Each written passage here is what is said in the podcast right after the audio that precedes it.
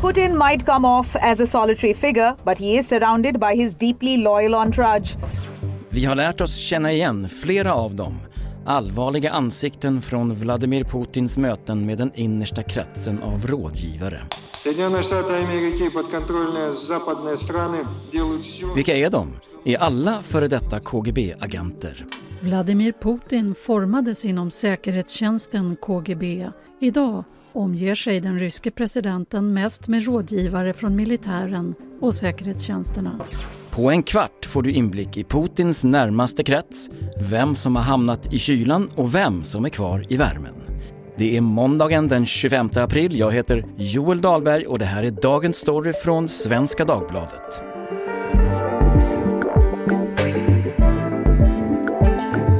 Välkommen hit Jesper Sundén, du är utrikesreporter på Svenska Dagbladet.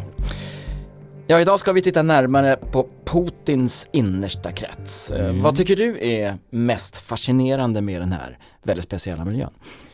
Ja, en av de saker som är, är intressant är ju att det är så många av de här som ingår i den innersta kretsen som har en väldigt lång relation till Putin själv. Många har det ända sedan 70-talet i Leningrad där Putin växte upp och, och eh, gick på skola, KGB-skola och flera har ju en bakgrund också inom KGB. Så de står varandra väldigt nära. Ja. När man ser bilder på Putin så ser han ju, eh, han ser ganska ensam ut. Han sitter vid det här långa bordet på kanten. Så när man pratar eh, om hans närmaste, hur många är de? Alltså hur många personer är det vi pratar om här?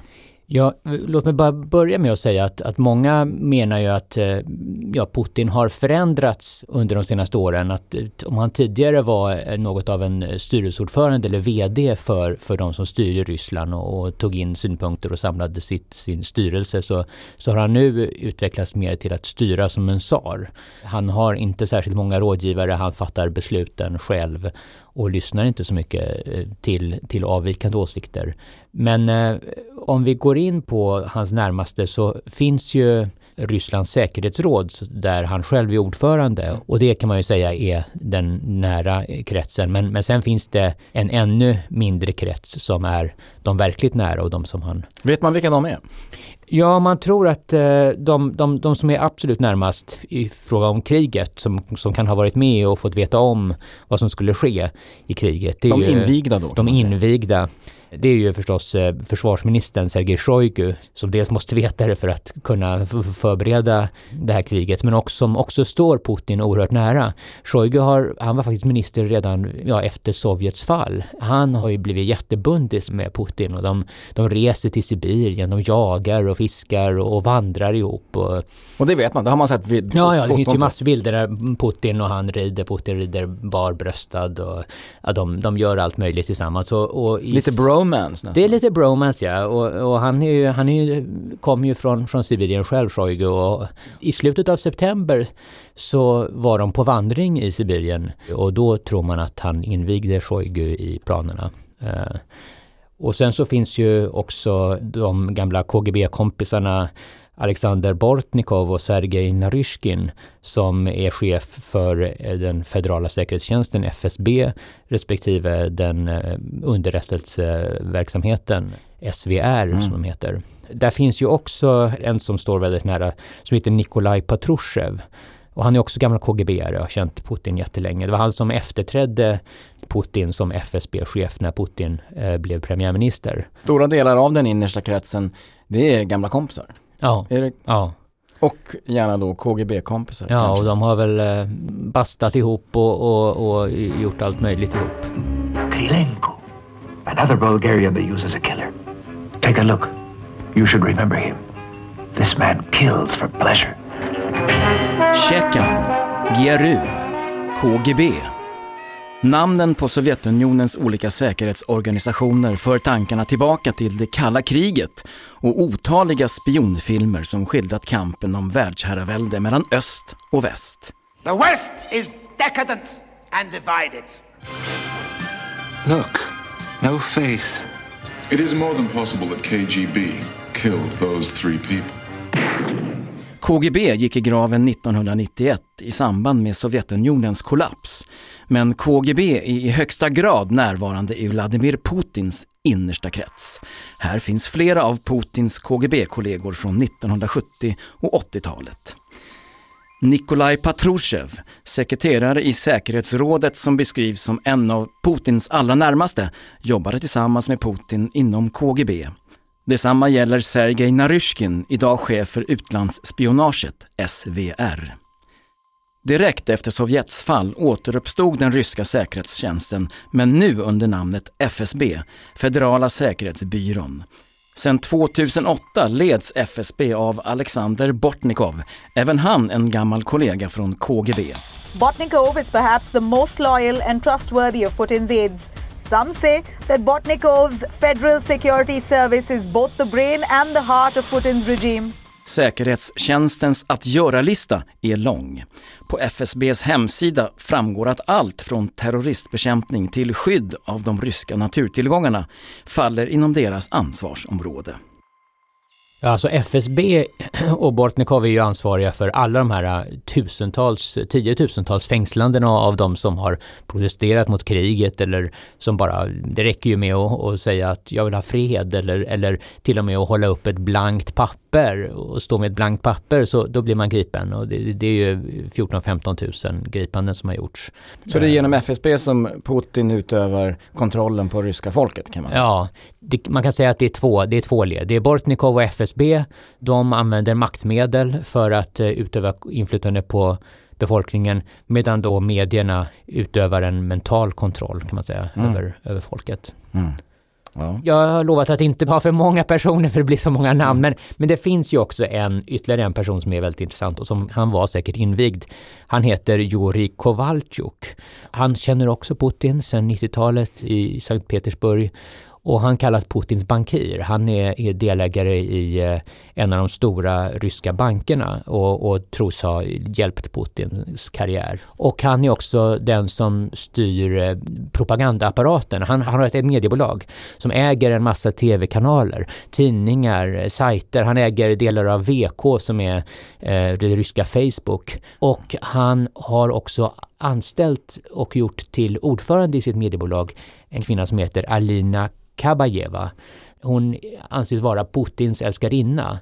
För ett antal år sedan, 2015, så födde hon ett barn på en klinik i Lugano och där ska Putin ha varit närvarande. Så att man är, det, det anses väldigt säkert att det här är, det här är mm. Putins barn, det här är Putins kvinna. Och också att hon har fått den här ja, enorma maktpositionen i det här mediebolaget som, som styr vad alla ryssar tänker och tror om det som sker och det här kriget. Mm. Eh, och hon är ju gammal elitgymnast, har tagit massor med medaljer i OS, VM. Annars så har hon ju ingen egentlig kvalifikation för, för det här jobbet annat än att hon har Putin i mm. ryggen mm. så att säga och kanske mer därtill.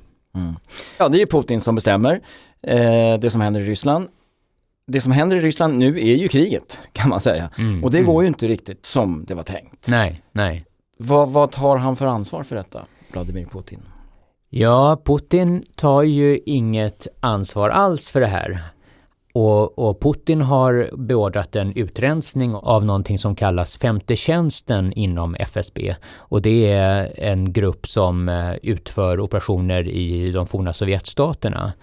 Och ja, 150 agenter ska ha sparkats och, och chefen för den här 50-gruppen, en man som heter Beseda, han har först satts i husarrest och nu förts över till ett fängelse och han anklagas för att ha gett falska eh, underrättelseuppgifter till Kreml och som då har legat till grund, jag menar, det, ingen säger det ut, men att underförstått så, så är det att ja, det, det låg till grund för att de trodde att de skulle få mötas av stöd från stora delar av befolkningen och därför inte behövde skicka in så många trupper. Men de här 150 personerna som då har sparkats eller vad som har hänt med dem, eh, det är en följd av misslyckandet i, i Ukraina ja, säga. Ja.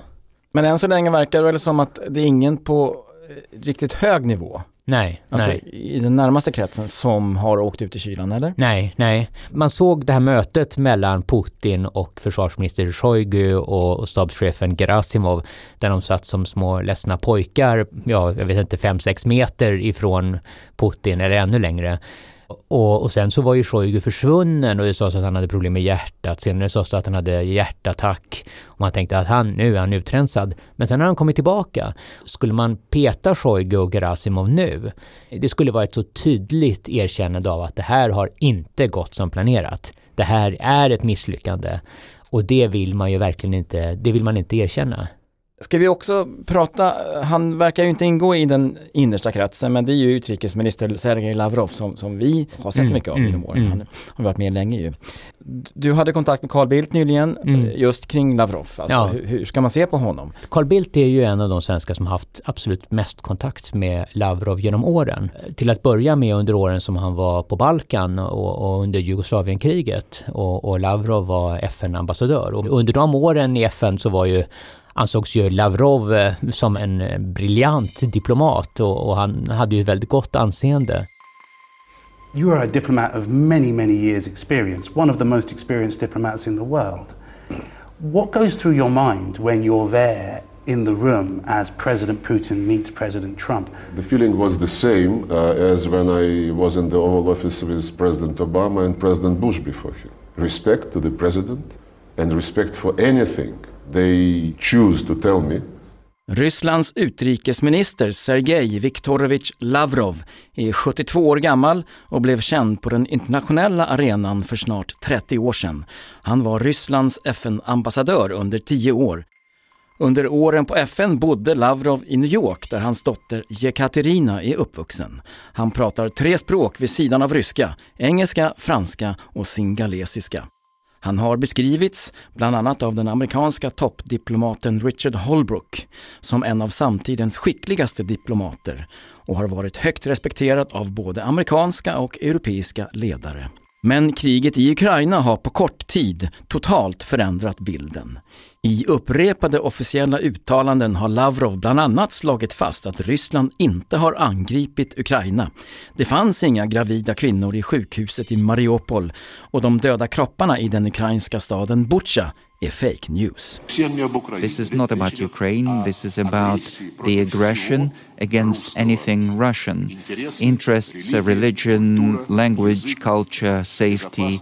Och när Lavrov i början på mars skulle hålla tal i FN lämnade många diplomater och ambassadörer rummet i protest. UN has to take a very strong stance in defense of its own principles.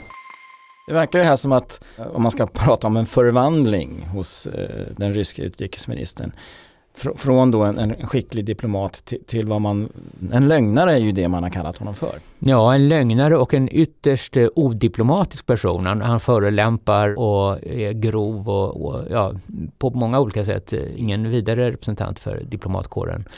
Eh, och, det verkar men, ha chockat många bedömare. Ja, ja han... det går ju rykten som, som Carl Bildt också nämnde att eh, han har velat eh, lämna eh, sin tjänst länge men att han inte får för Putin som vill ha kvar honom. Han har ju varit utrikesminister i 14 år. Man ser ju på honom när han sitter och ljuger om, om bombningar av Mariupol. Han påstår att det inte finns några gravida kvinnor på det här sjukhuset som bombades. Han ser ju faktiskt ganska lidande ut. Han är grå, han ser trött ut. Han skulle säkert hellre ägna sig åt sin, eh, som det kallas, hans andra hustru eller hans, hans älskarinna som Moscow Times kallar det, ja, leva det goda livet. Han är ju 72. Mm. Uh, hur är det då, uh, hur, bär man, hur bär han sig åt Putin för att så att säga hålla de här in, in till sig, att, att de finns kvar så att säga. Är det, det sägs ju till exempel att alla av dem är förmögna. De har liksom... Alla har ju blivit förmögna, alla i Putins närhet, alla som har varit lojala. Det som Putin värderar allra mest det är lojalitet. Och alla som är lojala mot honom har blivit oerhört förmögna. Det sägs att eh, den rikaste familjen i Ryssland det är bröderna Rotenbergs familj och det bröderna Rotenberg det var hans judokompisar. De tränade judo ihop i Leningrad på 70-talet. Det finns de gamla kompisarna, barndomskamrater, eh, det finns eh, de här KGB-kamraterna som, som har, de har gått på KGB-skolan tillsammans, de har varit verksamma tillsammans. Och sen så finns det nyare kamrater som, som alla har det gemensamt att de har blivit väldigt förmögna. Mm. Man får ju känslan när man läser om vad som händer i, i Ryssland, vad som händer i kretsen runt Putin, att det är gissningar, det är bedömningar, det är spekulationer är det så att det, det är svårt att veta, eller hur, hur, hur, är det? Ja, det är mycket svårt att veta. Eh, det är ju ett väldigt högt pris för den som skulle läcka någonting. Alltså det görs ju hela tiden utrensningar av de som anses eh, kunna vara illojala. Eh, det här är ju Putin och alla de här som har sin bakgrund i KGB, alla de här tänker ju hela tiden på sådana risker. Så att det sker liksom en utgallring hela tiden. Mm det man har eh, diskuterat då i, från västs sida att det ska ske någon slags statskupp då i Ryssland, att, att några av de närmaste skulle vända sig emot honom. Är det ett önsketänkande bara? Det är nog ett önsketänkande därför att alla de här personerna som är i Putins närhet, de är oerhört beroende av Putin. Utan Putin är de ingenting. Och utan Putin så, ja, deras pengar, ja, kommer de få behålla dem? Knappast. De har ingen rätt till det här, det är folkets pengar, det är skattebetalarnas pengar.